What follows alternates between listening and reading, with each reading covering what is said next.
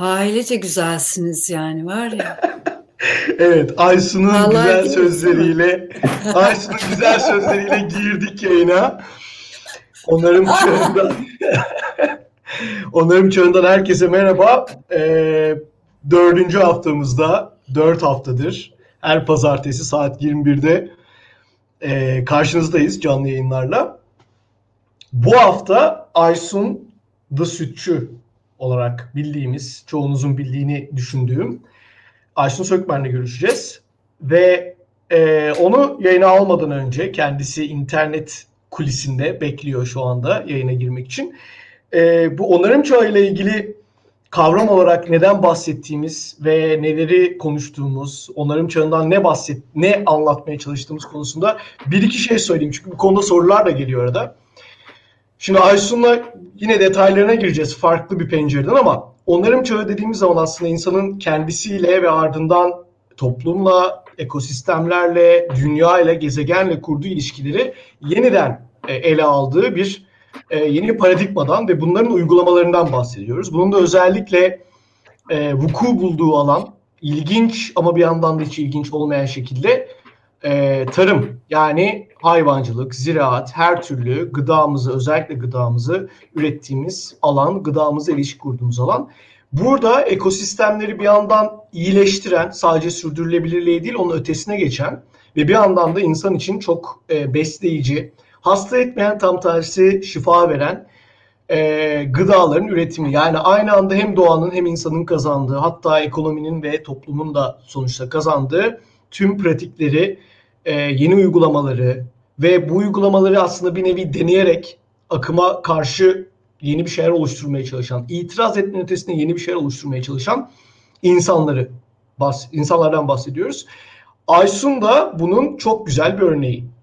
Aysun'un hikayesini ben yakından e, bildiğimi söyleyebilirim önemli oranda. Çünkü kendisi dostum e, demekle gurur duyduğum birisi. Aynı zamanda da beraber çalışmışlığımız var. Bundan sonra da eminim çok e, farklı farklı durumlarda güzel işler yapmaya devam edeceğiz. Her şeyden çok güzel bir sohbetimiz var. Yani bu akşam söylediğimiz gibi Aysun Sütçü yayınımızda. Aysun hoş geldin. Turukan hoş bulduk. Nasılsın? Çok iyi gözüküyorsun. Heyecanlıyım bayağı. Heyecanlısın. Harika. Evet. Sen bu arada e, gerek sen yani bireysel hikayenle gerekse e, Gündürüm çiftliği aslında işte yerelinden ulusalına e, alternatifinden ana akımına birçok medyada birçok defa çok detaylı olarak işlendi. E, dolayısıyla bir başlamadan ben herkesi bunu merak eden ki Aysun'un hikayesi gerçekten Aysun Giller'in hikayesi gerçekten merak edilesi bir hikaye. E, bunu söyleyebilirim rahatlıkla. Bu anlamda Google'a basitçe Aysun'da Sütçü yazıp bir bakmanızı, incelemenizi e, öneririm. Onu söyleyerek başlayayım. Sence de ilginç bir hikaye değil mi Aysun? Hikayeniz. Ben içinde olduğum için herhalde çok ilginç gelmiyor.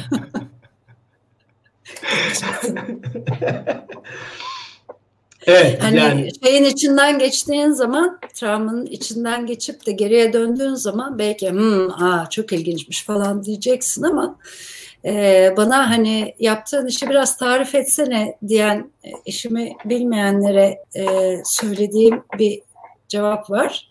Hani farz edin ki doğurdunuz ve e, 40 günlük loğusalıktasınız. Hani 40 günlük loğusalığı belki çocuğu olmayanlar bilmeyebilir ama e, bayağı az uyuduğun, bir sürü değişkenlerin olduğu, inişli çıkışlı ruh hallerinin olduğu bir süreç 40 günlük loğusalık dönemi. İşte ben 20 yıldır 40 günlük loğusa gibi yaşıyorum. o yüzden daha ilginç gelmiyor. Daha bitmedi çünkü. Devam ediyoruz. Bir, bir de senin şey e, döngülerin geldi aklıma. E, değil mi? Nisan'da başlayıp, Nisan'ın sonunda hemen hemen ortasında başlayıp e, yazın yok yok 1 ortası, Nisan. 1 Nisan. 1 Nisan tamam. 1 Nisan'da başlayıp yazın ortasında bir sakinleyen değil mi?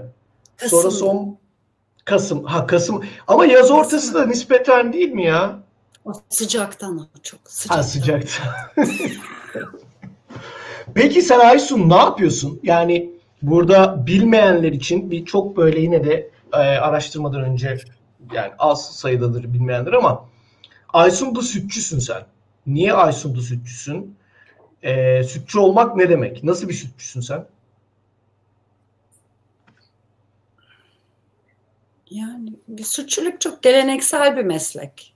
Yani çok e, an, şanlı bir meslek yani. E, her sütçüden farklı olduğumu düşünmüyorum. E, memeden şişeye diyebileceğimiz bir sistemde e, ruhsatlı çiğ süt satan e, bir ekibiz biz. E, yani evet isim e, gün dönümü olacaktı. Olamadı birçok sebep bir sebepten dolayı. E, Aysun'da suçu oldu. E, arkasında 30 kişinin böyle kanter gözyaşı çalıştığı e, e, bir ekip. Yani. Bir yandan da bugün itibariyle e, yine gördüm bu sene 16. defa evet. hastalıktan ari sürü sertifikasınızı yani testlerinden sonra sertifikasını almışsınız. Tebrik ediyorum. Evet, bu e, bildiğim kadarıyla Türkiye'deki en uzun üst üste en azından süre değil mi? Evet, evet çok uzun bir süre. Yani zoonoz hastalıklar özellikle bu pandemi döneminde e, çok daha tüketicinin anlayabileceği e, bir e, perspektifte ya da bir e, hizada diye düşünüyorum. Yani hmm. çiğ sütten e, insana geçen hastalıklara zoonoz hastalıklar diyoruz. Hayvandan e, insana geçen hastalıklara zoonoz hastalıklar diyoruz. Veren bruselozis, şarp, şarbon, antraks gibi hastalıklara. E, eğer e, ürettiğin sütü, e, sattığın sütü üreten inekler bu hastalıklardan kan testi oluyorlarsa ve temiz çıkıyorlarsa bir sertifika veriyor e, devlet. Bu hastalık bu hayvanlarda yoktur diye ve siz evet. de bu sayede yine senin de uzun yıllar uğraştığını bildiğim e, çiğ süt satabilme işini yani bunun devlet tarafından kabul edilen ve onay verilen bir iş olmasında geçtiğimiz yıllarda e, oldu. Evet. Oldu bu iş. Oldu o zamanki o, o zamanki sevincini de hatırlıyorum çünkü çok uzun yıllar emek verdiğim bir konuydu. Bu arada bu çiğ süt meselesi Türkiye'de o zaman falan gündeme geldi biraz yani kamuoyunda. E, ama yurt dışında yani işte İsveç'inden Kuzey Amerika'sına, Amerika Birleşik Devletleri ve Kanada'sına kadar birçok ülkede bunun baya böyle canlı bir tartışma olduğunu ben böyle gözlemliyorum. Yani e, bir yandan çiğ sütün yararları ve e, bunun belli bir takım şartlar içerisinde satılabilmesini isteyen üreticiler var. Bir yandan bunu pek istemeyen bir takım endüstriler var galiba değil mi? Evet doğru. Yani çiğ süt mü, proses edilmiş süt mü dünyayı ikiye ayıran bir konu zaten. Ee, onun dışında hayvansal süt mü, bitkisel süt mü de bizleri böyle e, ikiye ayırıyor. E, her perspektifin çok doğru noktaları var, çok haklı e, dayanakları var. E, Valla işte. bu programa ben bir dönüşüm hikayesi adını verdik seninle birlikte. Çünkü senin hikayen benim için özel kılan kısımlarından bir tanesi. Yani seninle olan muhabbetimizden falan ötesinde. E, işin böyle onarım ve onarıcı tarım meselesinden perspektifinden baktığımda evet sen Türkiye'de bu onarım meselesine yani onarıcı bir e, üretim yapma toprağın sağlığını işte organik maddesinden biyolojik çeşitine kadar sürmemeyi, çoraklaştırmayı falan çoraklaştırmamayı önemseyen ve bunu uygulayan bir üreticisin. Evet tamam bu, bu cepte. Ama bunun ötesinde bunun yanı sıra beni e, çok bence senin örneğini sizin örneğiniz değerli kılan başka bir şey daha var. O da süt üretimi gibi e, yani üretimlerin içerisinde en zoru bunu ben her yerde söylüyorum. Çünkü günde iki defa 7 yani 365 gün boyunca günde iki defa müthiş bir operasyon isteyen bir iş. Böyle bir işin içerisinde bir de bunu işte doğrudan tüketiciye ulaştırma gibi ayrı bir deli işi yaparken sen bütün bunları durdurmadan konvansiyonel kafayla başlattığın bir işletmeyi e, onarıcı kafaya doğru yıllardır ittiriyorsun. Böyle adım adım bazen üç adım atlayarak bazen ikinci adımda sendeleyip düşerek falan. Bu çok değerli bir hikaye ve örnek çünkü hem sıfırdan kurulan değil yani konvansiyonel kurulup o tarafa giden bir örnek hem de operasyon falan devam ederken ve e, yani bir süt üreticisinin halini başka bir süt üreticisinden başkası pek anlamaz. Ben de az çok o yüzden zamanında yaptığımız için e, azıcık da olsa anlayabiliyorum. Ya bu burada senin bir şeyin var. İnatçılığın var bu işi gerçekleştirmek için. Ee, yani seni öyle bir işte çok özel ve çok idealist falan gibi böyle acayip yerlere koyarak değil ama bir inatçılığın var. O inatçılık nereden geliyor? İlk önce onu merak ediyorum. Yani seni sabah kalkıp bütün o e, keyfini kaçıran ve zor durumda bırakan şeylerden sonra yine de o inada nasıl devam ediyorsun? Niye devam ediyorsun bir de? Niye yani? Nasıl geçtim? Niye? Yani bir kere böyle tadımı kaçıran şeyler e, genelde böyle ağzımı sulandıran ve iştah bana getiren meseleler aslında. E, yani inat muhtemelen genetiktir. Burcumla falan alakalıdır. Çocukluğumda yaşadığım bir şeylerle ilgilidir ya da her neyse. E, yani bunu hiç düşünmedim niye inatçı olduğumu açıkçası. Ama sadece ben değilim. Gayet yakından tanıyorsun. Yani inatçı olan sadece ben değilim. Mehmet de gayet inatçı. Can da gayet inatçı. Ee, yani bence e, şu anda 30 kişilik bir ekibiz. Geri kalan 27 kişi de bayağı inatçı yani. Böyle ekip olarak e, hayal ettiğimiz şey e, çok güzel ol, oluyor yani. Her adımda oluyor olduğunu hissediyoruz ve bu böyle o kadar keyifli ve ağzımızı böyle iştahla sulandırıyor ki e, yani çok lezzetli bir şeye kalkıyoruz. Onun inadına koşuyoruz diye düşünüyorum. O ağzının sulanması e, yani gayet güzel bence. Ben aldım cevabını en azından. Bu e, sabahları o işte ağzınızın sulanması şeyinden hareketle bu aralar ağzınızın sulandığı ne var? Eksik olan ve yerine koymaya çalıştığınız bütün bu süreçte. Yani kom, bunu da konuşacağım bu arada. Bunu da soracağım. Yani sen kendi deyiminle konvansiyonel bir işletmeden yıllar yıl önce 20 yıl 20 yıl mı oldu? Evet 20 yıl oldu. Tam 20. 20 yıldan işte galiba 7. 8. senesinde bu yola doğru başlıyorsun ve değil mi? Bir sürü 2009'da işte... başlıyoruz tam net olarak. Tamam. 2009'da bayağı bir dönüşmeye başlıyoruz. 2009'da neydi o dönüşmeye başlıyoruz demeni sebep olan şey şu anda? Ne neydi yani eylem olarak neyi değiştirdiniz? Hmm.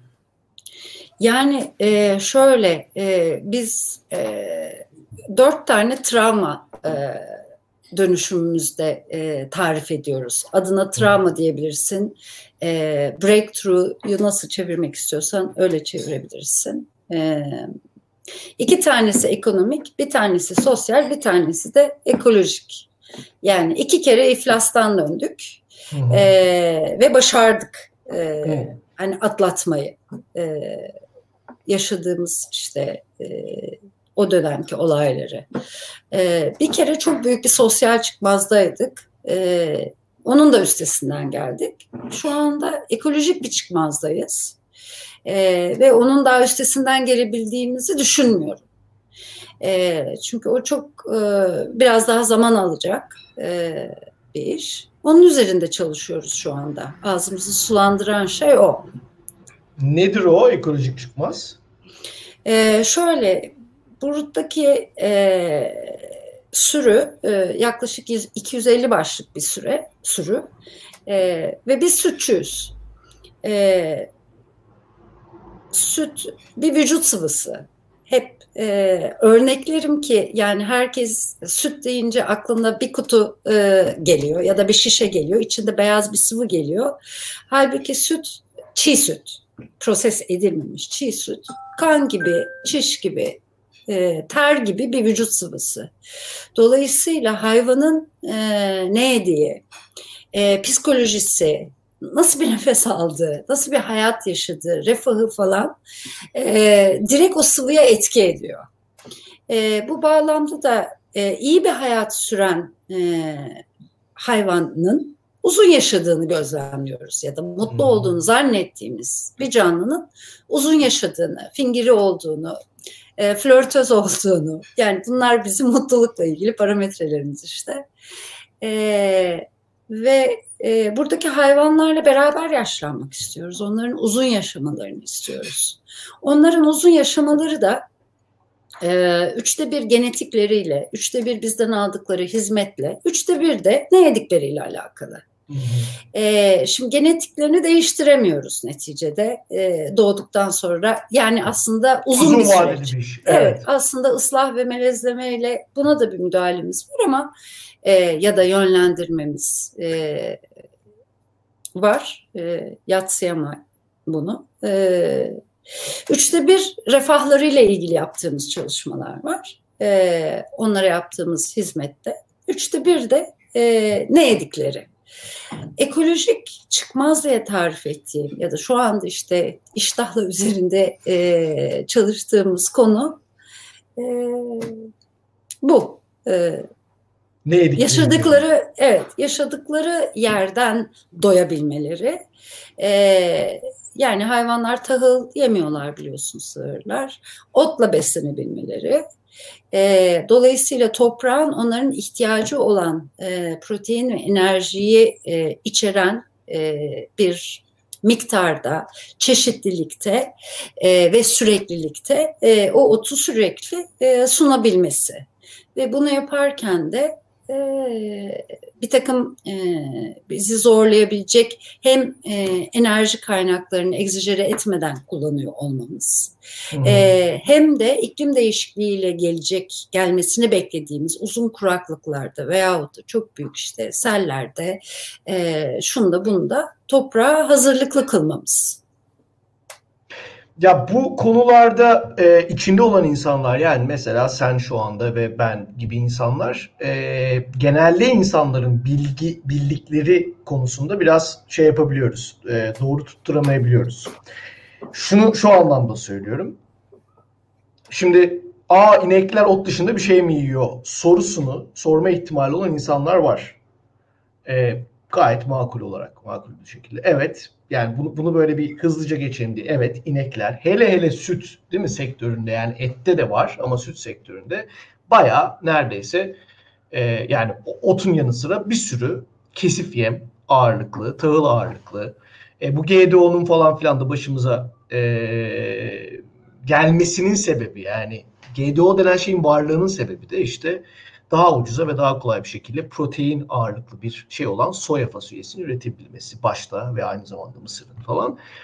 Dolayısıyla mevcut sektör bu, bu önemli bir şey. Bunu böyle özellikle altını çizmek istiyorum. Çünkü onların çağı, ya yani bu programda benim derdim biraz da e, bir şeylerin nasıl olabileceğini göstermek. Yani kalkıp burada işte inekler sadece şöyle olmalı, işte toprak böyle olmalı falan gibi laflar edebiliriz ama mevcut gerçeklikten oraya nasıl gideceğimizi anlamak için mevcut gerçekliği almak lazım. Mevcut gerçeklik bütün sektörüyle, bütün yemcisiyle, bütün otçusuyla, bütün tarlalarıyla, mülkiyet sistemiyle, rant sistemiyle, tarlaların fiyat sistemiyle, lojistiğiyle, işte işletmeler yani e, dediğin o proses yapan e, bütün o fabrikalar falan her şeyiyle tamamen o ana akım denen ve hayvancılıkta da hayvanı belli bir yere kapat ve onu da önüne işte kesif yemi de olan bir şey dök, yesin, sütünü, etini versin gitsin.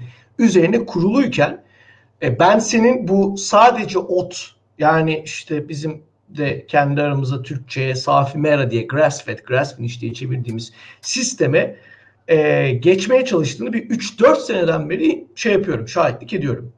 E, tam anlamıyla geçemediğine de şahitlik ediyorum. E, ve yılmadan yani her gün böyle her seferinde biraz daha ettirerek geçtiğini ne de ediyorum.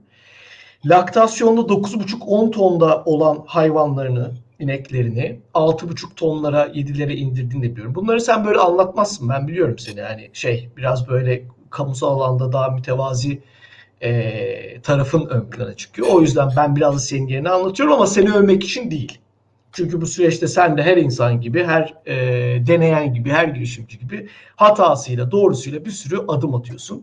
Şu anda baktığın zaman bütün bu süreçte, bu dönüşüm sürecinde bugüne kadar yaptığın en büyük hata ya da yapmadığın için en büyük hata olan şey neydi? Bugün itibariyle baktığında. Hangi bağlamda soruyorsun bu soruyu? Bütün bu yani ben... e, ineklerin sadece otla besleyebildiğin ve toprağı daha iyileştirir, daha hızlı, daha güzel bir şekilde iyileştirme niyetlerinde, çabalarında e, ya şunu yapsaydım daha da iyi olacaktı. Şöyle bir hata yaptım dediğin şeyi merak ediyorum. Aklına ilk gelen belki.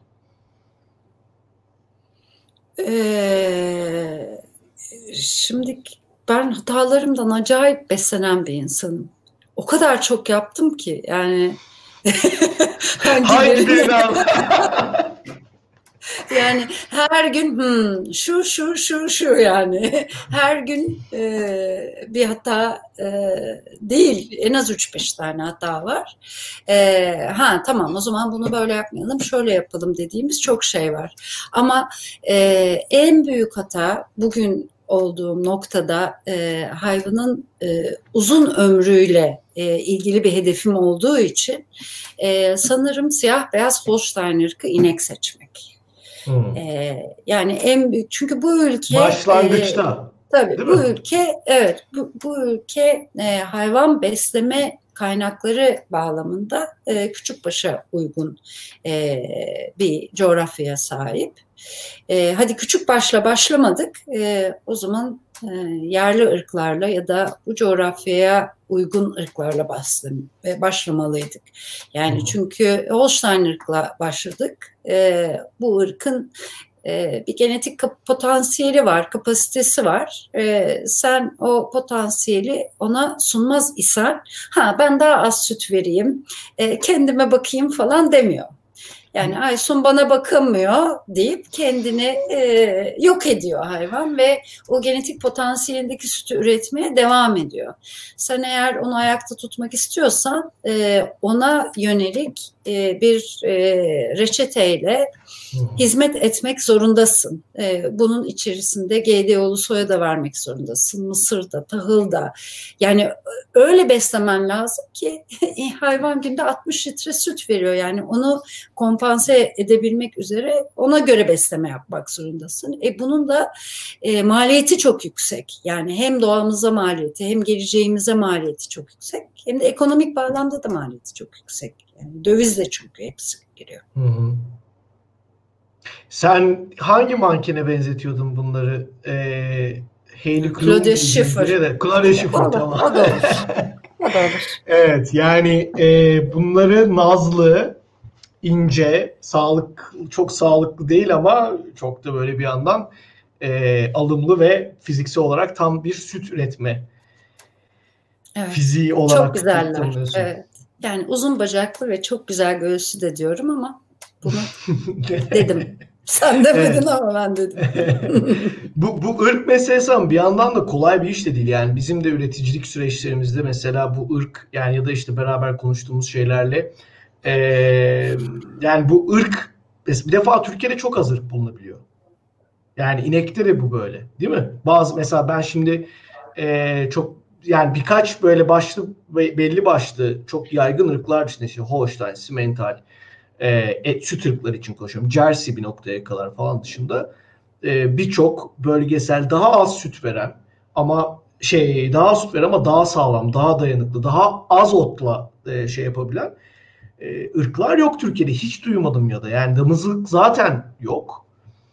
E, bir de şey de var yani bu sadece şimdi mesela safimeri dediğimiz zaman yani onu da bir paylaşalım. Yani safimeri yani sadece otla beslenip üretim yapan sonunda sadece otla besle, beslenecek şekilde ne derler hasat edebileceğiniz gıdasını e, hayvancılık et de yapılabiliyor bir şekilde. Zar zor da olsa işte biraz biraz değil bayağı bir çaba da gerektirse. Ama süt de gerçekten zor. Yani ben bunu hazır yeri açılmışken senin de bildiğin bir hikaye. Senle de paylaşmıştım zaten sen takip ediyorsun. Ee, bundan 5 yıl önce Kuzey yani Amerika Birleşik Devletleri'nin kuzey doğu tarafında New York eyaletinde yakın arkadaşlarımız çok da güzel insanlar Tarma diye bir çiftlik bölgenin ve ülkenin neredeyse ilk safi mera süt üreticisiydi. Sadece otla beslenen hayvanlarla. Özel bir ırkla yani özellerken yerli kırması bir ırkla ve neredeyse teklerdi. 3 sene sonra sadece o bölgede 100 tane üretici vardı ve e, o Harika. şeyi kuran e, sistemi kuran Maple Hill mandırası ki bu da bir üretici. Senin gibi üretici mandıra şey yapıyor, kuruyor falan. En son 100 milyon dolar e, ciro yapıyordu yılda. Bu anlattım 3 yıl önce falan. Yani bir yandan çok hızlı büyümüş çünkü ciddi bir talep var ama bir yandan da o bölge ki et, e, süt üret, aman ot üretiminin çok kaliteli olduğu bölge. Yani Türkiye'de hakikaten zor bir iş bir yandan. Hele hele ırklarla dediğin gibi iyice zorlaşan bir iş. Bu noktada ben lafı çok da uzatmadan e, bir başka soru, e, pardon bir soru alayım. E,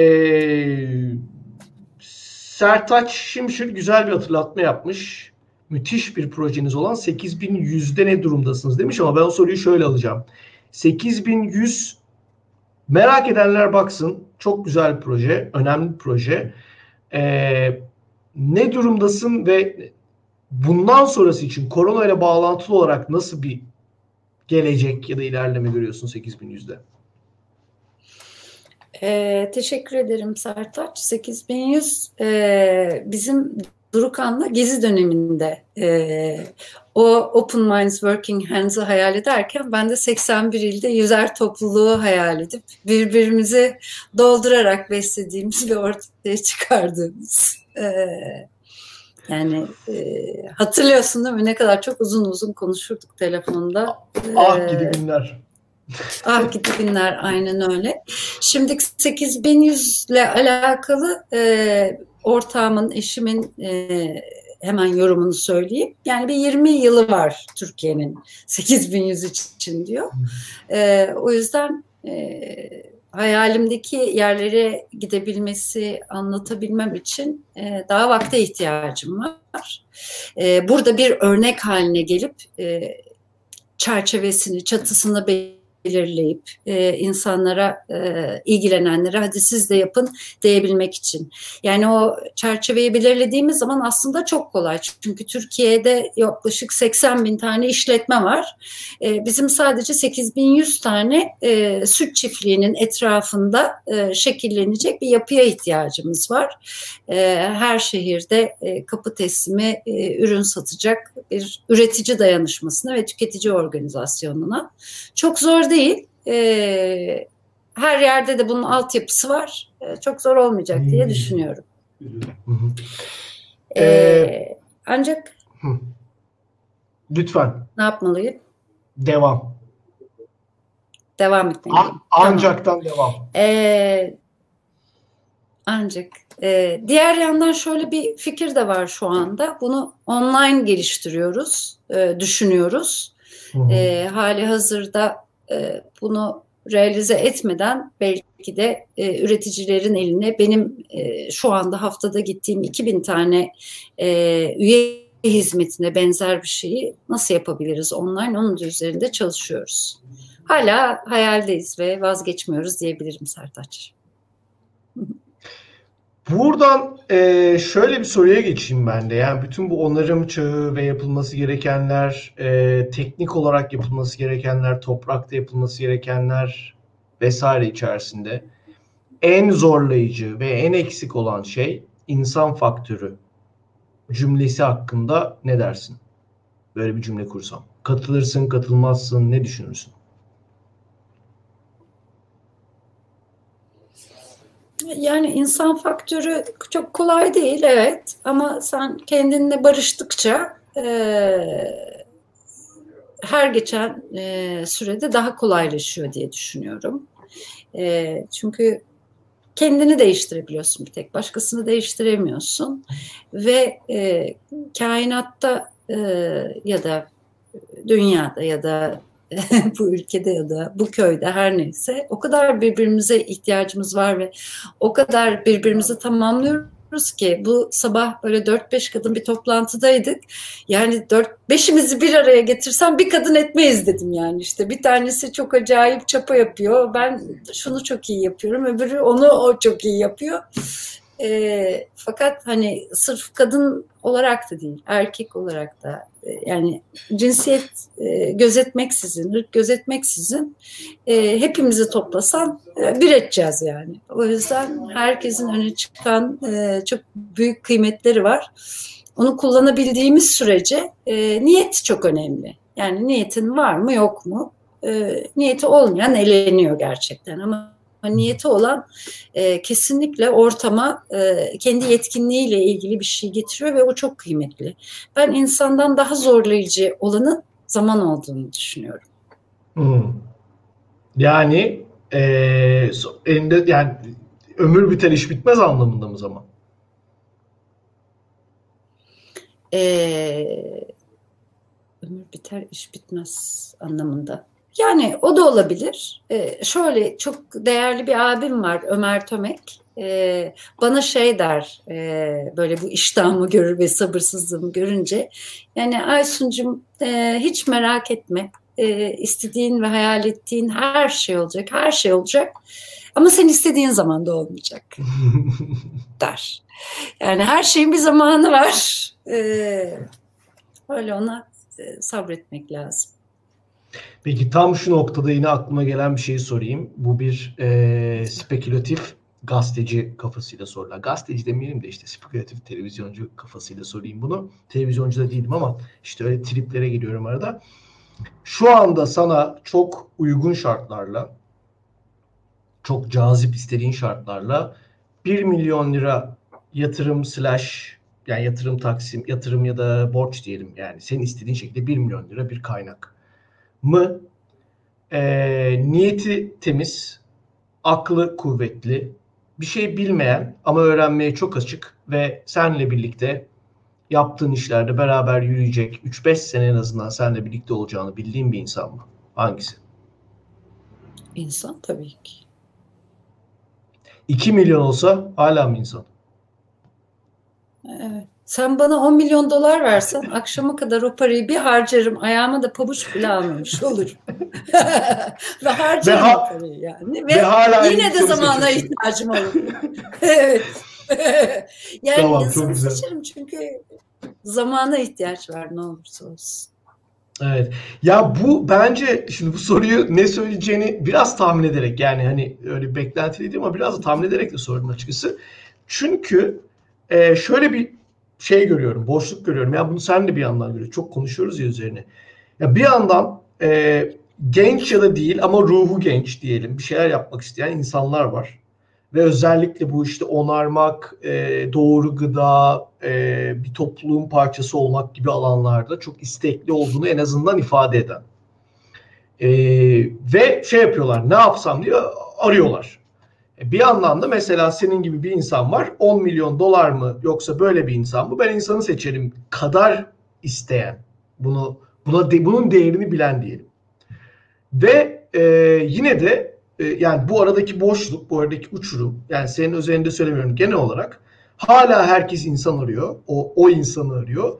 Ve hala o insanlar da işte ne yapsam ne etsem bilmiyorum e, boşluktayım diye ortalıkta dolaşıyor. Yani bu boşluk bir defa yani hani sen de herhalde hem fikir misin soruyorum ve niye oluyor ve nasıl biraz kapanmaya başlayacak? Yani eksik olan ne orada?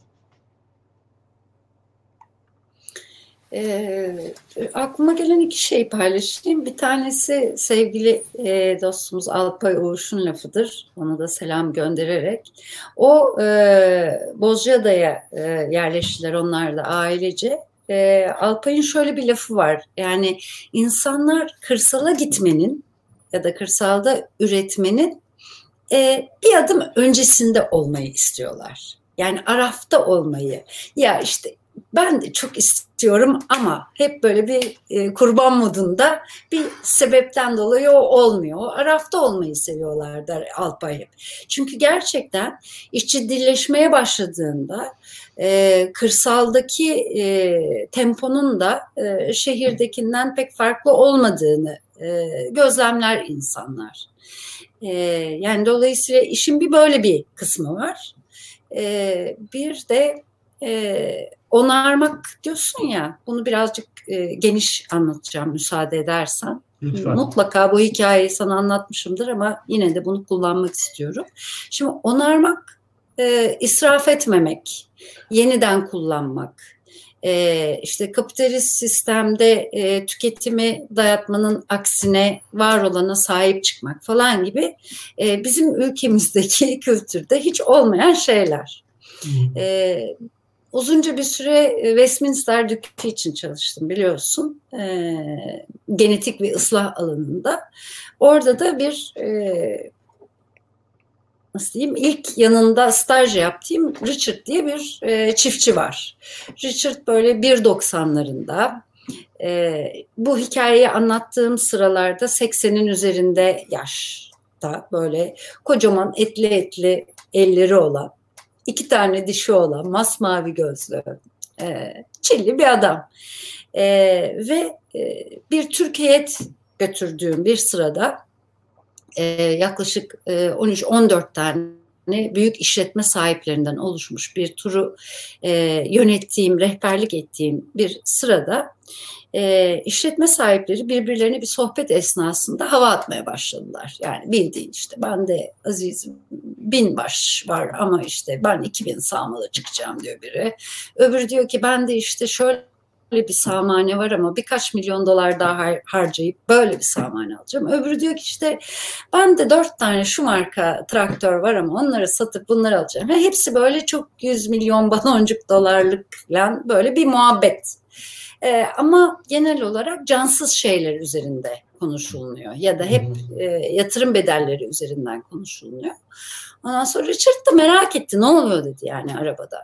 Ee, bana da bir anlat. Ben de dedim tercüme ettim. Böyle böyle işte atıyorlar birbirlerine dedim bir şekilde. O da böyle bir güldü. Böyle. Ee, Richard'ın 250 tane ineği var. Ben de işte yaklaşık 15 gün onun yanında çalıştım bu arada. Tabii o böyle görünce ben sinir oldum. Dedim yani ne gülüyorsun? İngiltere'de çiftçiler birbirlerine hava atmazlar mı dedim. Böyle bir acayip e, ülkem insanı olarak kızdım yani. Aa atarız dedi. Biz de birbirimize hava atarız ama biz dedi bir tane soru sorarız. Yeter dedi. Peki dedim sor. Ne sorarsınız? Bana da sor. Bu böyle arabada da gidiyoruz. Ee, bayağı bir uzun düşündü. Sonra bana sormaya ve dolayısıyla da hava atmaya karar verdi. Dedi ki Aysun dedi senin dedi sürün dedi. Sonra eğildi dedi yalnız dedi e, sürünü soruyorum çiftliği sormuyorum dedi. E, senin sürün kaç yaşında dedi. E, bu soruyu sorduğu zaman da biz e, ilk sürüyü verenden imha etmiştik. İşte hastalıklardan ari sürü e, kapsamında yeni sürüyü kurmuştuk. E, 2008-2009 yılı olması lazım demek ki. Yani dedim biliyorsun çiftlik 9 yıllık da sürü 5 yıllık. Böyle bir güldü tekrar ondan sonracıma. Peki dedim hani e, bu hikayeyi 10. defa izledim ama yani her seferinde çok keyifle dinliyorum. O yüzden gülüyorum. Ya Peki dedim, o kadar çok anlattım kaç? mı ben sana? Yok bana değil başka ortamlarda diyordum ama her seferinde büyük keyifle dinliyorum. Müthiş, evet. müthiş bir hikaye. Çünkü onarmak diyorsun ya yani ta kendisi benim için hikayenin. Dedi ki yani biliyorsun dedi ben dedi e, geçtiğimiz yıl dedi emekli oldum oğluma devrettim sürüyü dedi. Ben sürüyü devrettiğimde sürü 152 yaşındaydı dedi. ben böyle bir nasıl yutkunduysam e, güldü böyle omzuma vurdu. Hiç unutmuyorum yani. Biz dedi buralarda dedi e, bir çiftliğe dedi içinde tavuk olsun, ağaç olsun, inek olsun, koyun olsun fark etmez. İçindeki sürü en az 50 yaşında değilse çiftlik demeyiz oraya dedi. Yani öyle bir aşağıladı ki beni. Benim beş yıllık sürümü. Ee, yani bu beni çok etkiliyor. Onarmak böyle bir şey yani buna sahip çıkıyorsun. Köküne sahip çıkıyorsun, ağacına sahip çıkıyorsun, ineğine sahip çıkıyorsun. Ee, yani sen bana 10 milyon dolar gerçekten versen ne olacak? Yani ben bir anda 50 yıllık süreye sahip olamayacağım. Ee, o yüzden o e, önemsiyorum çok. Ya bu iş bu işin böyle en bağlamda. baştan bu işin en baştan böyle her şeyin ona göre işte ayarlanıp tasar yani tabii ki tasarım kısmı çok önemli ama bir süreç olduğunu da aslında anlatması açısından ben bir kere çok seviyorum. Yani 100 yıl, 150 yıl hadi büyük baş, küçük baş olsun biraz daha az sürsün falan ama Yani böyle kuşaklar arası bir süreç. Yani e, kendini düşünmeden işte senin göremeyeceğini bildiğin şeyleri düşünerek e, bir yandan da yapılması gereken işler. Yani tabii e, buradan bir sürü güzel aklıma soru da geliyor ama öncesinde birkaç yorum alalım yine. Bu arada yorumlarınız ve sorularınızı iyi ki paylaşıyorsunuz. Lütfen paylaşmaya devam edin. E, Murat Doğan demiş ki o kadar koyuncuyuz ki e, koyuncu bir ülkeyiz ki çağlar önce yazı coğrafyamıza geldiğinde ilk kelimelerden biri koyun demiş. E, bu arada ben de buradan başka bir aklıma gelen bilgiyi paylaşayım. A harfi var ya alfabedeki ilk harfimiz. O e, ta Sümerlere falan kadar götürdüğünde yine ilk harf alfabedeki ama ters. Yani A'yı tersi koy. Ve boynuz aslında yani baş kelimesi.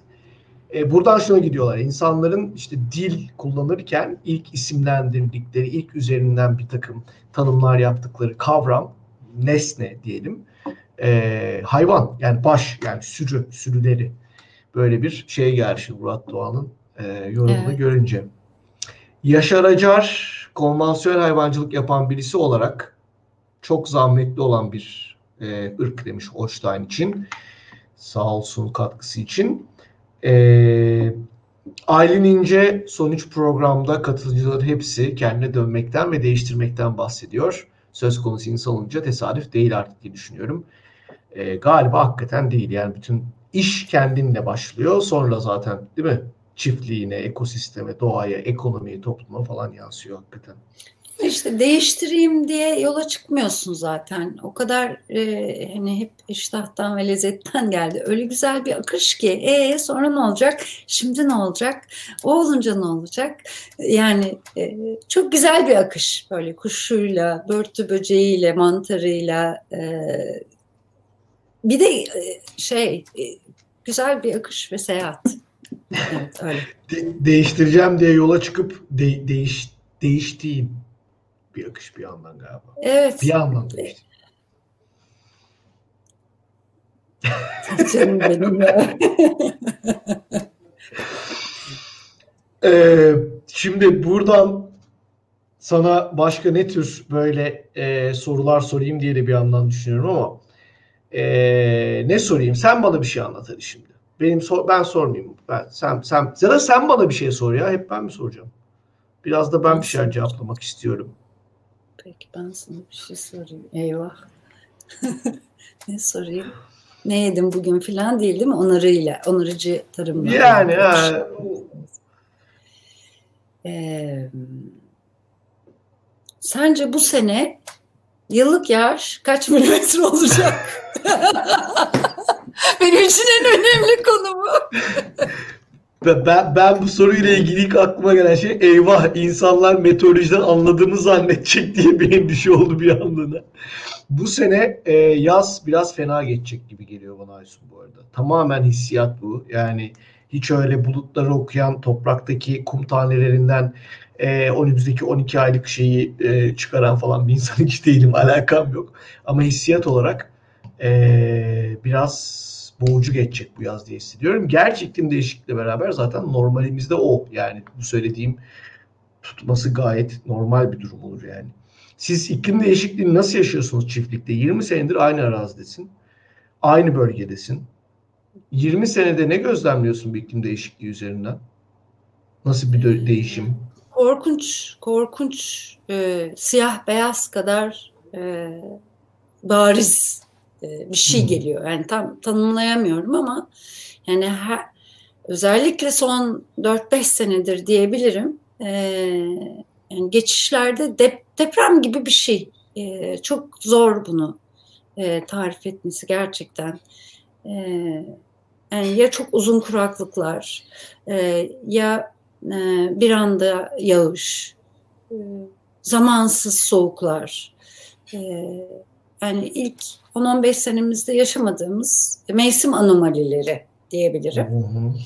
İşte biz de hem e, inekler uzun yaşasın istediğimiz için hem de e, hani biz ölümlüyüz, biz ölsek bile e, kendileri civarda e, ömürlerini e, götürebilsinler diye otta sürekli büyümeyi kılabilmek için e, üç tane yol izliyoruz. Bunlardan e, bu üç yolun adına da toplamda yağmur suyu hasadı diyoruz. E, bu e, üç yoldan bir tanesini zaten seninle oluşturduk. En önemlisi bütüncül yönetim tekniklerini uyguluyoruz kiraladığımız arazilerde e, ve e, doğayı taklit ederek e, hayvanları sürekli dolaşımda e, tutmaya çalışıyoruz. İkinci o permakültür tasarım tekniklerini kullanıyoruz. Yani e, olabilecek her türlü adımımızda hayvansal ve bitkisel organik maddeyi toprağın üzerine e, boca ediyoruz. E, meyilli yerlerde e, gıda ormanlarına ya da e, çok yıllık bitki sistemlerini tasarlamaya veriyoruz kendimize. E, üçüncü olarak da dönüm hattı tasarımını üzerine çok düştük bu ara. E, Hatta Avustralya'dan o. Evet, evet aldık sonunda Avustralya'dan Yaoman sabununu aldık. E, yani e, Yeoman sabununda şeyde e, çok komik e, manueli var. Manuelde işte sıkça sorulan sorularda e, sabunun e, ne zaman kullanılması en uygundur gibi böyle bir soru var. Yani işte sonbaharda mı, ilkbaharda mı, hasattan sonra mı, önce mi filan. Cevap immediately nokta. o kadar yani. Derhal nokta.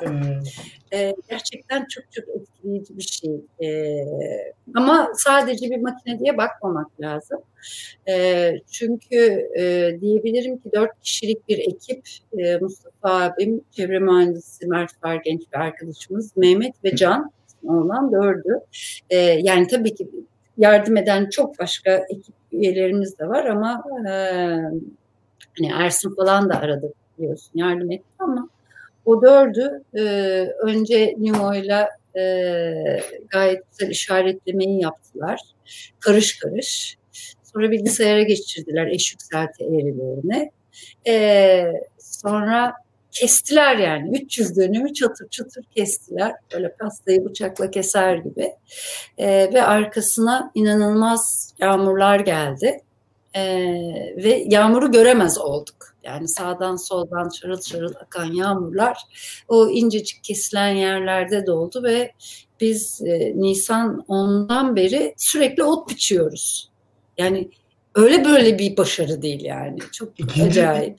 İki defa mı biçtiniz ya bu sene? Bir ot sıracı yaptık. Evet iki defa da tüm alanları otlattık. Ee, ya otlatmaya yetiştiremiyoruz e, iki tane parseli de kuruya kuru ota biçtik şimdi. Yani bütün İnanılmaz. bunlar üzerinden bütün bunlar üzerinden onarıcı tarım işe yarıyor mu? Ee, onarıcı tarım yöntemleri, e, saydığın yöntemler diye bir soru sormak biraz anlamsızlaşıyor. Çünkü yani üretim olarak, üretim fazlalığı anlamında bir farktan bahsediyorsun burada. Hani doğayı falan işte filan bu... ekonomik olarak seni etkiliyor yani. Ekonomik olarak seni rahatlatan bir durum bu. Değil mi? Doğru Kesinlikle. Yani? Kesinlikle. Ee, bu arada şeyi merak ediyordum hazır konusu açılmışken bu Yeoman pulluğunu kullanırken arkasından bir toprak mikrobiyolojisi kompost ya da kompost üstü gibi bir şey de yapıyor musunuz? Şu anda sadece çizel mi? Attınız. Sadece kesiyoruz şu anda. Çünkü anladığım kadarıyla o tüp çözeltileri daha böyle ıslak bir sezona bekliyor. Ee, Ekim'de tekrar keseceğiz. Hmm. E, muhtemelen o zaman uygulayacağız. Tamam. Şimdi birkaç yine sorulara dönelim. E, 8100 ile ve gönüllü çalışma sistemi ile ilgili iki soru var iki farklı kişiden.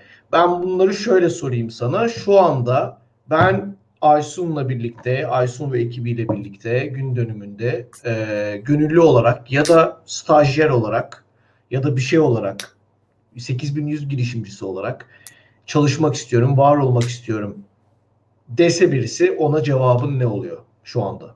Ee, Valla işte kutladık 16. yılını hastalıklardan ağrı statümüzü.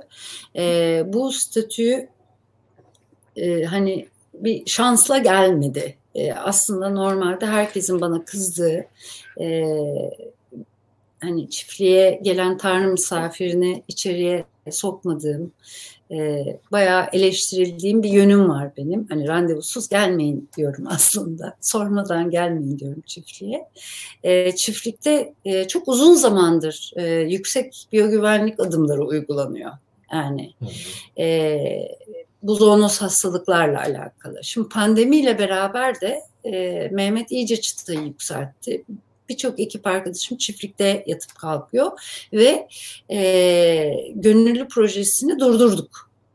Yani Şu anda e, hem biyogüvenlik sebebiyle e, bunu yapıyoruz. Hem yer yok. Çiftlikte birçok e, çalışan çiftlikte kalmaya başladı. Bu yaz böyle geçecek gibi gözüküyor. Hem de yani şimdi yani gönüllü de olsa, stajyer de olsa e, benim ve ekibin vaktini alıyor. Hı hı. Fakat biz e, epey bir ilgi ve teveccühle karşı karşıyayız. Herkes süt istiyor, derhal istiyor, şimdi istiyor. Eğer cevap vermezsek çok kızıyorlar. E, iki gün geç cevap yazarsak Facebook'tan ve Instagram'dan bize acayip daha da çok kızıyorlar ve biz sürekli elimizden geldiği kadar taleplere e, cevap vermeye çalışıyoruz. Yani şu anda sizle birlikte size bir ekip arkadaşı olmayı da gönüllü olmayı düşünenler e, bu, bu yaz yazı, için yok yani. Bu yaz bu yaz için e, sonbahara kadar beklesinler en azından bir kez daha size evet, diyebiliriz. Çok tamam. uzun cevapladım ama çok özür diliyorum. Yok yani yok için olur herkese mu? teşekkürler. Ama e, mutlaka başvursunlar.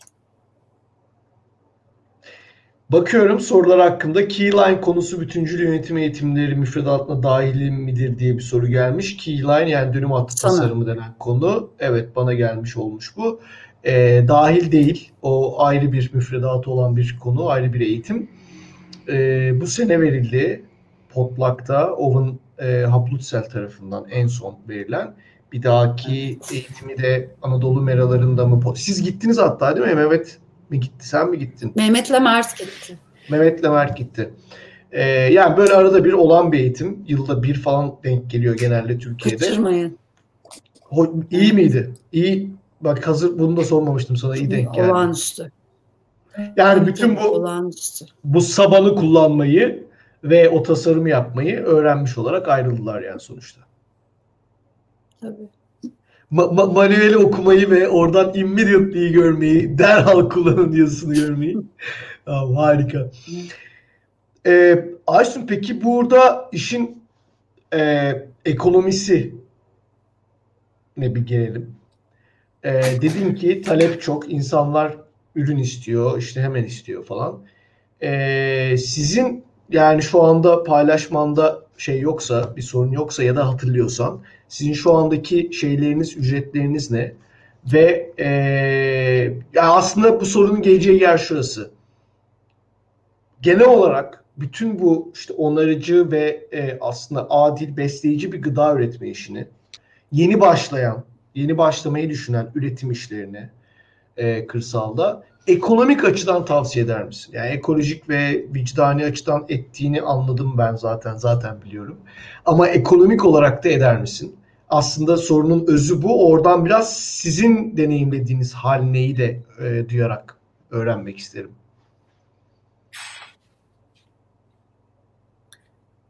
Ee, çok zor bir soru bu.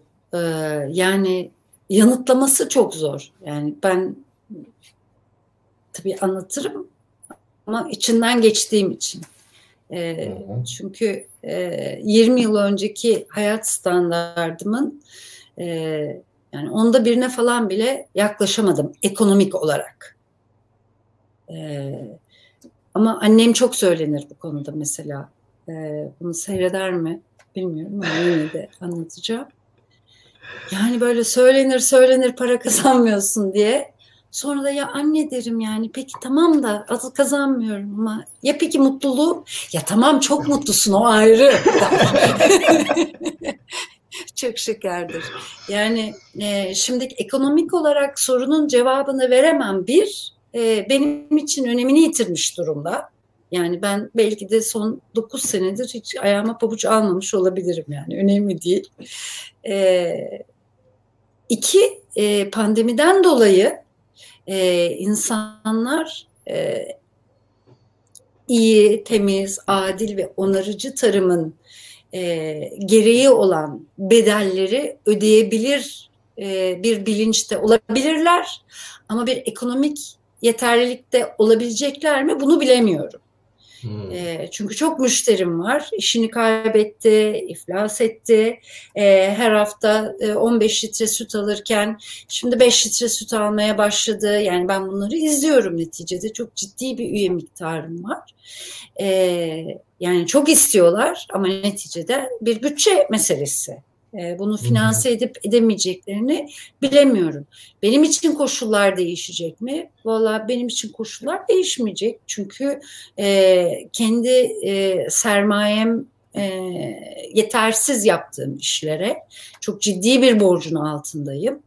E, iyi bir e, sütün, kaliteli bir sütün zoonoz hastalıklardan olmazsa olmaz arilik gerektirdiğini biliyorum. E, bu da bir güvenlik bağlamında ciddi para harcanması demek. İyi bir sütün GDO'suz ve mümkünse tahılsız e, otla besleme olduğunu biliyorum. E, bunun için Avustralya'dan kalkıp Yeoman sabını getiriyorsam kim bilir daha neler yapıyor olabilirim çok yakında çok sürprizler de var da onu da böyle tease etmiş olayım. Onu ben sana sonradan ee, telefonda soracağım merak ettim. Tamam. Madem öyle. Evet, çok müthiş bir şey. Çok hoşuna gidecek. Ee, iyi bir süt için üçüncü olmazsa olmaz refah diyoruz ama önce insan refahı diyoruz. Sonra hayvan refahı diyoruz. Yani insan refahı demek ne demek? Burada çalışan 30 kişi benim hayalim haftanın 5 günü çalışsınlar abi. Niye 6 gün çalışıyoruz biz? Niye 7 gün çalışıyoruz? Herkes haftanın 5 gün çalışsın, 2 gün tatil yapsın biz de insanız örneğin yani 7-24 365 değil insan refahı için e, hani çalışma e, günleri ile ilgili bir hedefimiz var.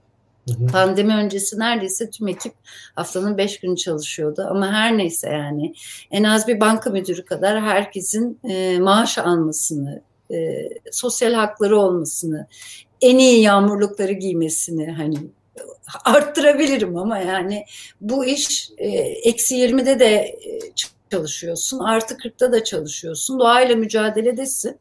İnsan refahı yoksa hayvana ve toprağa hizmet edemezsin. Nokta yani. O yüzden e, onu gerektiren, hani dördüncü bağlamda sağım hijyeni, sağım protokolleri, gıda güvenliği açısından bir sürü yatırımı, titizliği gerektiren bir iş. O yüzden ben e, gıdada ucuz diye bir şey olmadığını düşünüyorum yani. Gıda çok pahalı bir şey. Az yemek, öz yemek lazım. E, iyice sorgulamak lazım. Ya bu söylediklerini şimdi ben de senin söylediklerin üzerinden kafamda aynı soruyu kendime de sordum bir an. Ve şöyle bir şey e, çıktı yani bir yandan düşündüm. Şimdi insanlar daha doğrusu bazı insanlar haklı da olarak atıyorum işte senin sütün e, kaç 8 lira metresi bilmiyorum şu anda en son kaç oldu? 10.50. 10.50. 10.50. İşte Organik markette, segmentteyiz evet. Ha, bu marketteki e, konvansiyonel sütte atıyorum 6 lira olsun. Onu da bilmiyorum yani almadığım için. E, yani neyse 7.95. Ha 7.95 daha da yüksekmiş. Bayağı yükselmiş bu arada. 8 işte bu 10.50 arada 2.50 bir fark var. Ha bu demek ki Aysun daha fazla para kazanıyor e, düşüncesine haklı olarak yani bu bir eleştiri değil kapılabiliyorlar. Ben aynı şeyi işte bizim Safi Mera tarafından biliyorum yani et kısmından. Aa sinetlerin fiyatı işte şu kadar daha fazla demek ki çok mu? Abi yok bizim e, kar marjımız yüzde 10 olduğu zaman e, ve bu arada brüt kar bu yani içine ne vergi var ne zaten maaş falan hiçbirimizin bir şey kazandığı yok. Tamamen operasyonel kar yüzde 8 10 bandını gördüğümüz zaman bu iş oluyor, başaracağız işte bu, bu, bunu yaygınlaştıracağız falan diye seviniyoruz. Yani sektördeki yüzde yirmilerin falan yarısındayız. Şimdi aynı şeyin sende de olduğunu biliyordum zaten, duyuyorum. Buradan şuna geliyor, e, çok para kazanmak istiyorsanız tabi bu arada dürüst iş yaptığınızı varsayıyorum. Yani doğal, organik, cart, curt deyip e, gayet normal, konvansiyonel ürünü vermediğinizi varsayıyorum. E, ama sonuç olarak böyle kaliteli bir, besleyici bir ürün yaratıyorsan ekonomik olarak çok kazanmazsın ama daha dirençli olursun diye genel bir cümle geldi e, genel geçer olarak söylemek için. Katılır mısın buna? Yani daha az şoklardan etkilenecek, daha e, kuvvetli, ayakları sağlam basan, işte müşterilerine dönüp bir topluluk anlamında e, konuşabilen, onlara bir şey danışabilen bir insan, bir çiftlik misin? Ee, ya öyleyim ama bu bir süreç. Ee, yani e, çok değişken var. Ee, neyin kalıp neyin öleceğini e, kimse bilemez. Çok gizemli konuştun. Bunu bir aç. Çok gizemli konuştun. ee, ben biliyorsun e, TÜSEDAT var dernek. Onun kurucu başkanıyım. E, orada da konvansiyonel üretim yapan çok değerli e, arkadaşlarım var. Onlardan bir tanesinin çok e, sevdiğim lafıdır. Aynı lafı geçenlerde Çıyan'ın sahibi dostumuz Musa da söyledi. E, azık kazık olmaz. Yani Allah hiçbirimizi e, yakınlarımızın kaybıyla ya da gıdayla sınamasın. Ee, evet, herkesin bir bütçesi var. Herkes o bütçeden düşünüyor, taşınıyor. Süte kaç para ödeyeceğini, buğdaya, işte una, poğaça mı alsın, sigara mı içsin, dışarıda pizza mı yesin, e, yoksa az yesin ama e, en besleyici, en toprağın ellerini almış bir şey mi yesin? Buna önem versin mi, vermesin mi? E, pet de mi gelsin, plastik ambalajda mı gelsin, yok geri dönüşümde mi gelsin? Geleceği önemsesin mi, önemsemesin mi? Suyu işte düşünsün. Yani o kadar çok değişken var ki neticede insan e, kültürü, yetkinliği, eğitimi e, ve bütçesi neticesinde bir karar veriyor. O karar e, bizi ekonomik olarak yaşatacaksa hani gün dönümü ve safi merayı biz yaşayacağız. Ama o yaşatmayacaksa e, yaşayamayacağız yani. Bunu bilemeyiz ki. Burada şöyle bir karar var. Yani sen sadece yaşamak uğruna e, ideallerinden vazgeçiyor musun? Eğilip bükülüyor musun? Yoksa e, ya ideallerim bunlar, ben ideallerimi değiştirmek istemiyorum, kulvar değiştiriyorum mu diyorsun? Yani Bugüne hmm. kadar gelmiş olmamız 20 senede evet tüketicimiz bizi destekledi, bize inandı. Biz de e, bunun hakkını verdik ve vermeye de devam ediyoruz. Ama bunun sürekliliğinin olup olmayacağını inan bilmiyor. Yani bu inatçılığı yayının başında konuştuğumuz inatçılığı bu bir yandan da her şeye eyvallah olma haliyle birleştirdiğimiz zaman zannediyorum senin gibi böyle gülümseyerek, keyifle ve sakin sakin, umutla ve ama bir yandan da her şey tamam ben razıyım, kendi yaptığıma bakarım diyen bir ses tonuyla konuşabilir bir insan haline geliyoruz diye anladım. Ağzına sağlık. Şerife Aksoy'dan ee, ah canım benim. Evet ondan bir yorum var. Peki güzel dostum demiş. Aysun'da Sütçü demiş. Mutluluk seviyenden bahseder misin? seviyemden bahsedeyim. Az önce bir girmiştin hani şimdiki mutluluğum diye. Yani Şerif'in nasıl bir soru nasıl da, evet Şerife derinden evet, derinden, evet, derinden doğuştan mutluyum ben e, sanıyorum. doğuştan doğuştan mutluyum. Doğuştan mutlusun. Mutluluğun daim olsun ki zaten mutluluk bir Amin. karar galiba. Ee, yani insanın keyfi kaçıyor, seviniyor falan ama mutluluk senin aldığın bir karar herhalde. Yani hepimizin daha doğrusu aldığı bir karar mutlu olmak. Yani tabii şöyle bir şey, yaşlandıkça ben de elime e, merdiven dayadığım için belki daha böyle içine doğru dönüyorsun ve geçmişi değiştiremeyeceğini bilmek, e, karşındaki insanı değiştiremeyeceğini bilmek, e, anı değiştiremeyeceğini bilmek, e, bunlarla ilgili böyle bir kabullerden geçmek e, bana iyi geliyor. Çünkü e, özellikle doğada yaşamaya başladıkça ve üst üste e, inanılmaz kaotik şeyler oldukça yani iklimsel e, geçen gün bir yılanın teki kurbağayı öyle bir yiyordu ki anlatamam yani öyle acayip kaotik şeyler var ki doğada hiçbir şeyi kontrol edemeyeceğin kabulünden de geçiyorsun. Gerçekten hiçbir şey kontrol edemeyiz. Edemiyoruz yani. Ve bu çok huzur dolu, böyle mutluluk dolu bir şey. Aa orası mı yanmış? Hmm, ne yapmak lazım? Yangın tüpü var mı? Yani evet ben çok endişeli bir tipim. Ee, ama sanırım e, kontrollü e, yavaş yavaş bayağı azalttım ve bu benim mutluluk seviyemi çok yükseltiyor. Şerife kontrol edemezsin hayatı. Bırak. Bırak her şey olacağına var. Yani ben de bu arada e, kendi adıma naçizane e, bu sürecin gözlemcilerinden bir tanesiyim. Ne mutlu ki bana. Senin benim süreçlerimin gözlemcisi olman gibi aynı. Oldum gibi. Ee, yani çok gerçekten çok keyifli bir yandan. Yani böyle bir sohbeti sen yapıyor olmak da bir, bu, bu açıdan çok güzel. Çünkü onların hikayesi şu anda baya mesela şeyleri falan da konuşabiliriz ki bir yandan konuşmak da istiyorum. Yani Aysun inekleri ne yapar, ne yer? Ee, işte bir soru da gelmiş buna benzer doğrudan alakalı olmasa da e, bir ineğin bir günlük ot ihtiyacı için kaç metre alan gereklidir? E, çok keyifli bir yan teşekkürler demiş İA Atay. E, yani bu tabii çok değişir ee, ama istersen oradan başlayarak yani çiftlikte sen şu an neyi nasıl yapıyorsun? Hayvan besleme anlamında. Bunu bir öğrenmek istiyorum ama buradan yine şeye bağlayıp başka bir yerlere bağlayıp bitireceğim. Oraya bir girelim çıkalım o yüzden. Tamam. Yani e, toprağın organik madde miktarı dediğimiz bir şey var. Toprağın üzerindeki canlı katman. Bu katman e, ne kadar yağmuru tutabileceğimizden başlayarak birçok kıymeti e, içeriyor.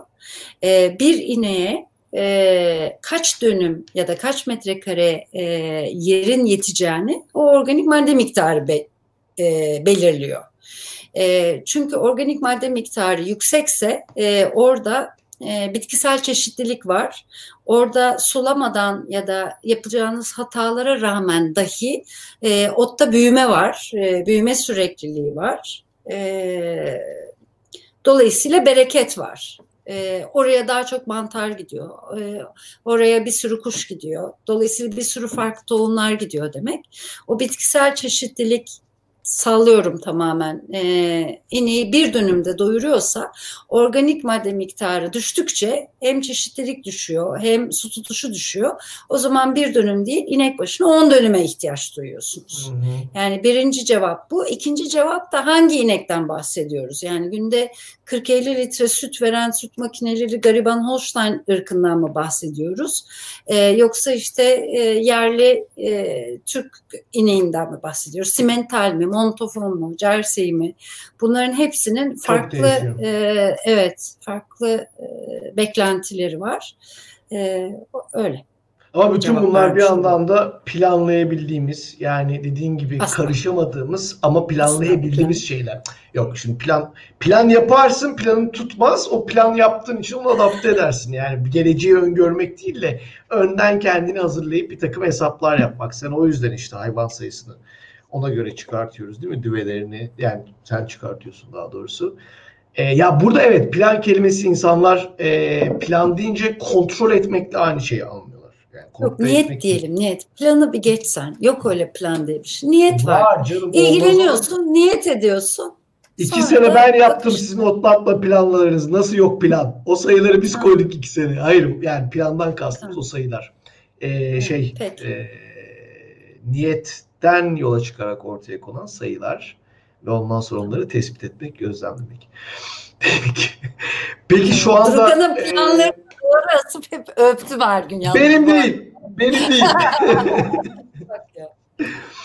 Ee, yok bunlar önemli. Yani ben mesela bu konuda eğer istersen tartışalım ama e, yani şeye kaçmak çok kolay. Sen orada değilsin biliyorum ama hiçbir şeyi zaten değiştiremeyiz. Saldım çayıra ne oluyorsa olsun hiçbir şey benim kesinlikle e, etki edebileceğim bir noktada değil. Ama orada niyet Tamamen yok. akışa bıraktım. Ama orada niyet düşmek çok kolay. Evet. Tamam. Niye, ha, niyet, niyet ettikten sonra. bir şey. Sen dedin ya çok acayip sürprizlerimiz var diye bir şey alacağız, bir şey yapacağız falan. E işte evet. niyetlenmişsin sonra da onu bir planlamışsın ve eyleme geçmek üzeresin. Yani ben o o o ince ayardan Peki. bahsediyorum. Niyet e, katılarak ben de sana niyetten başlıyor her şey. Peki e, şu anda so, şöyle bir soruyla bitirelim. Çok bu arada senin de yani yatacaksın biliyorum ve sabahın köründe yine kalkacaksın. Bir kere ee, bile esnemedim. Gayet keyifli. Harikasın. Umarım. İzleyenlerin de vaktine değiyordur. Ya evet yazanlar olmuş sağ olsunlar çok güzel bir yayın diye. Ee, şöyle bir şey merak ediyorum. Böyle bir soruyla bitirelim. Aysunlu Sütçü hakkında veya gün dönümü yani bu bütün bu operasyon ve olan biten hakkında sence çok bilinen bir çok bilinen yani çok bilinen e, nasıl derler onu ya doğru bilinen bir yanlış. Yani insanların çok sayıda insanın paylaştığı doğru deyip bilinen bir yanlışı e, bizimle paylaşmak ister misin? İnsanlar şöyle zannediyor ama aslında şöyle diyerek. Bu arada e, bir kez daha söyleyeyim. Ben hiçbir programda hiçbir konuğa önceden söylemiyorum ne sorular soracağımı. O yüzden bu düşünme aralıkları falan muhtemelen Ayşin ilk defa soruyor ya bu soruları. Tamam. Ee, hemen şunu söyleyebilirim. Ee, çoğu insan e, bizim e, operasyon alanımızın sahibi olduğumuzu yani bir çiftliğin sahibiyiz zannediyor. E, du. E, biz bu çiftlikte e, 19 yıldır kiracı idik. E, geçen sene e, bizden süt alan e, çok değerli üyelerimizin e, borç vermeleri sonucu çok büyük başka banka borçlarına da girerek e, kısmet oldu. Çiftlik yerini e, satın aldık. Bu uygun bir cevap mı bilmiyorum ama çok. böyle bir şey. Çok insan e, burası bizim zannediyordu. Bir senedir bizim borçları bitirebilirsek önümüzdeki 20 yılda. Çok güzel. Ee, bir kez daha hayırlı olsun. Evet. Teşekkür ee, ediyorum. Şimdi son olarak bir iki e, soru geliyor. Biz bir soruda mesela e, bir günde kaç de süt üretiliyor ve üreticiye ulaşıyor diye bir soru gelmiş. Onunla ilgili de bir istersen kaç kişiye İstanbul'a nasıl ulaştırıyorsun, nasıl dahil olurlar, nasıl e, alırlar işte e, yani bu, bunları bir, bir soruyu da toparlayarak Tabii.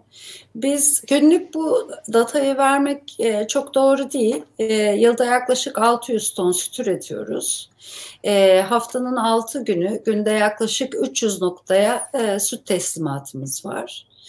E, genelde e, direkt nihai tüketiciye uğraşıyoruz. Ama e, çok kıramadığımız çok şeker satış noktalarımız da var. E, bizim ürünümüzü e, alan, satan. E, kapı teslimi hizmet üyeliği dediğimiz bu e, üyeliklerin dışında e, bu satış noktalarına da veriyoruz. İşte dondurmacılara da satıyoruz. E, bizim için peynir üretimi, tereyağı üretimi yapan bir mandıraya da, çiftçi gıdaya da sütümüzü veriyoruz. Peynirleriniz Böyle. çok güzel. Ben peynirlerinizi özellikle çok seviyorum bu arada bir kez daha söyleyeyim. Her geldiğimde bir koli neredeyse peynir alıyorum. Ee, hakikaten şey. Peki Sen o zaman sıfır tahıla bir geçelim de o zaman görse. Sıfır tahıla geçtiğinizde Türkiye'de bir ilk olacak. Ee, inek için. Belli yani olmaz. Çok çok insan var ya. Çok bu, bu tür çalışmalar yapan vardır insanlar yani. İşte ama siz ilk geçerseniz siz olacaksınız ilk. Şu anda yok ki sıfır tahıl süt üreten. İnekte yok. Yani, Öyle yani, mi? Belki yani, vardır. Ya şöyle iki tane ineği vardır kendisine sağıyordur belki işte konu komşuda veriyordur da bir işletme olarak yani insanlara süt sunabilen bir işletme olarak diyorum yoksa. İnşallah bol bol olur.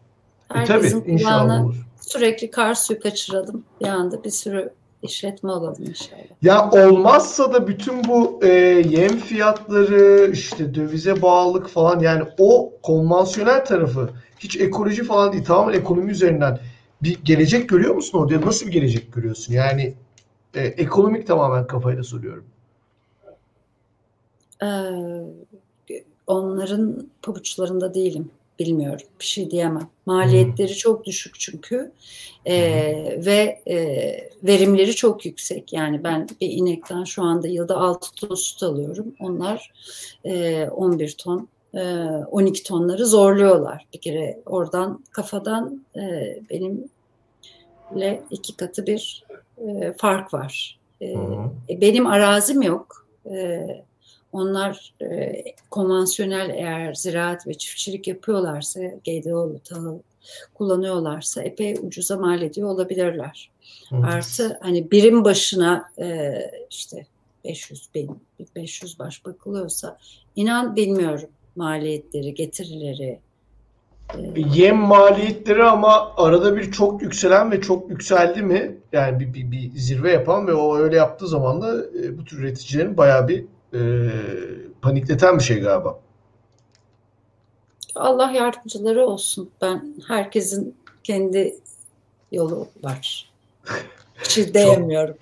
Çok güzel, çok çok güzel böyle lafı alıp e, gayet güzel cevaplar veriyorsunuz bu akşam Aysun Çok teşekkür ederim. Bence e, Peki bir, bir şey daha soracaktım. Bunu da sorup e, yavaştan seni artık sabah erken uyanacaksın oraya doğru salayım. E, ne soracağımı da unuttum. Senin güzel konuşmaların karşısında. Ama sonuç olarak bu işlere dahil olmak isteyen, başlamak isteyen yine e, yorumlardan birinde Yaşar Acar yazmış. Böyle bir hayalim var diye. Bu tür insanlara böyle bir iki cümleyle bir e, önerilerde bulunsan üretici olmak isteyenlere. Nedir? Ne olur önerilerin? Yani somut veya soyut. Ee, yani eğer e, her şeyinizi satıp savup krediler alıp bu işe girecekseniz başarısız olma ihtimaliniz çok yüksek. Yaşamayı hayal ettiğiniz coğrafyaya gidip e, orada hali hazırda e, süt üreten ya da hayaliniz e, üretim yapan bir yerde mutlaka dört mevsim gözlemleyin sonbahar, kış, ilkbahar, yazı gözlemleyin. Ve tercihan e, yani kaç para maaş alacağınız falan önemli değil. Hani tercihan Richard Vari e, eski bir üreticinin yanında. E, e, oranın havasını, suyunu çok iyi bilen, gözlemleyen e, birinin yanında. Onu yargılamadan, sorgulamadan e, koşulsuz hürmet etmeye gidip bir 365 günlük bir perize sokun kendinizi e, çok faydalı olur. Ondan sonra ne isteseniz başarırsınız. Ha, harika bir bitiriş oldu. Çok teşekkürler Aysun. Bu yoğun dönemde e, doğanın coşkun olduğu, sizin hayvanların dışarılarda otladığı dönemde senin şu anda uyku saatinden alarak e, tuttuk. Çok sağ ol geldiğin için. Çok keyifli bir sohbet oldu benim için. Web sitesinden şey e-mail atarak mı senden bu arada süt isteyenler o e-mail üzerinden gidiyor değil mi hala? Yani e-mail atacaklar. Gündönemi.biz.tr diye bir web sitemiz var. Orada üyelikle ilgili bir başvuru sayfası var. O Hı. sayfayı doldurup bize ulaşabilirler. Gündemin gündönemi.biz.tr Türkçe karakterlerle bunu da paylaşmış olalım. Çok selam. Can'a da, Mehmet'e de, oradakilere de bir ara yakın zamanda hatta ben de bu anlamda sana bir sürpriz yapabilirim. Ee, bununla ilgili arayacağım zaten. Yakın zamanda ben de bir e, ziyaretinize gelme Omuz omuza yayın yaparız burada. İsteğinde bulunabilirim. Çok süper olur. Çok selamlar ve çok teşekkürler. Ee, yolunuz açık ben olsun. De. Yollarımız açık olsun. Ben İyi de çok teşekkür kendinize. ediyorum. Yeşil Gazete'ye, Durukancığım sana ve vakit ayırıp gelen herkese çok teşekkür ederim. Aysun da Sütçü Aysun Sökmen'le yani e, dördüncü Onların Bıçağı programını onunla yaptık. Çok güzeldi. Bu programı bu arada izleyebileceksiniz. Yine Yeşil Gazete'nin Facebook ve YouTube e, hesaplarından tekrar izleyebileceksiniz. Ya Aysun sen de soranları oradan paylaşabileceksin.